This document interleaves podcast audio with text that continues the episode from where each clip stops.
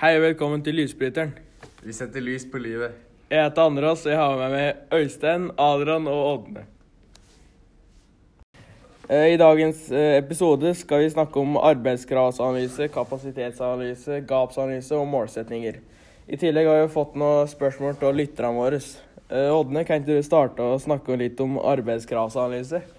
Jo, arbeidskravsanalyse består av fysiske egenskaper, koordinative egenskaper, teknikk og taktikk. Du har jo også psykiske egenskaper. Ja, og sosiale egenskaper. Uh, vet noen av dere hva arbeidskravsanalyse handler om?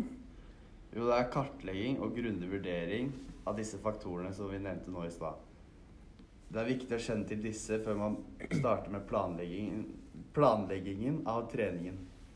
Ja, eh, og for å si det litt enklere, da, på en måte, så blir det at man har en litt sånn analyse av hvilke krav man trenger for å oppnå et ni visst nivå, da. På, hvis man driver med en gren. Ok, Ådne, du som driver med langrenn. Hva er de viktigste arbeidskravene i langrenn? Ja, Det viktigste er å ha en god utholdenhet da, og en god teknikk på ski. Mm. Og Øystein, har du noe mer innspill på det? Nei, ja, ikke så veldig mye, da. Det kan jo være hvis du er god på sprint i- innafor ski, så kan du være god på akselerasjonshurtighet eller hurtighet direkte. Men det er ikke noe mer enn det direkte. Eh, Vi har fått inn et eh, spørsmål til en av lytterne våre her. Øystein, åssen hvordan gjør arbeidskravsanalyser det bedre? Vel, eh, sånn de gjør det be bedre, er vel egentlig sånn Ja, bare Øystein, fortsett. har ingen anelse. Nei, Ådne, du vet sikkert. Ja, Det viktigste er at du Da har du et mål å jobbe etter. Ja. Eh, og Adrian, eh, vi kan hoppe over til kapasitetsanalyse. Eh, vet du hvordan dette her henger sammen? Arbeidskravsanalyse er et mål du må ha på forskjellige krav for å opprettholde et visst nivå. Og kapasitetsanalyse er der du er per dags dato på de forskjellige ferdighetene.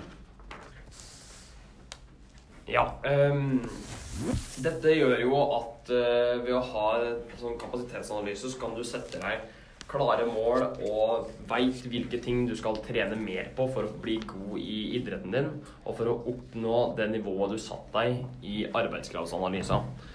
Og dette gjør da at du kan bli en bedre utøver. Eh, Ådne, har du svaret på hva gapsanalyse er? Ja, Det er gapet mellom arbeidskravsanalyse og kapasitetsanalyse. Riktig. Ja, det er helt riktig med det. Og dette gjør da at du veit hva du skal trene på, da, som jeg nevnte i stad. Um, så gir det svar på liksom hvor langt du ligger unna kapasitetsanalysen. Ja, men eh, kan ikke bare trene vanlig uten det? Er det så viktig? Ja, altså det gir deg jo en god pekepinn på hva du skal gjøre, da. Um, Adrian, du har kanskje noen erfaring med hvordan man skal bruke dette i treningshverdagen din? Nei. Nei. Faen, Du, du trener jo ikke, så det er ikke så farlig. Øystein, har du svar på dette? Ja, altså Det ved at du har en gapsanalyse, da, gjør at du veit forskjellen på hvilke arbeidskrav du trenger, og hvor god du nå er, da. Så at du veit hva som er veldig viktig på, på for å nå et visst nivå, da. Ja, For å bli god i idrett så må du sette deg klare målsetninger. Eh, hva slags ulike målsetninger har vi? Vi har ferdighetsmål, f.eks. skyte med ytterskru i fotball. Ja, Og så har vi resultatmål, f.eks. løpe i test på over 14. Og mål for innsatsvilje og samarbeidsevne, f.eks. møte opp i god tid for treninger. Og det er gode arbeidskrav og kapasitetsanalyser som gir et godt utgangspunkt for re realistiske mål. Ja, Vi har eh, et siste spørsmål fra seerne her. Hvorfor vil dere si målsetninger er så viktig? Nei, eh, Det som er så viktig med målsetninger, da, er at du har noe å jobbe mot. Og du har hele tida noe som gjør at du har iver på trening, og sånn at du gjør at du gir alt når du skal trene både det ene og det andre. Sånn at du hele tida gir alt. Da må jeg dessverre si at eh, dagens episode for Lysbryteren er ferdig. Jeg vil takke Adrian, Øystein og Ådne for at dere kom. Og takk for oss.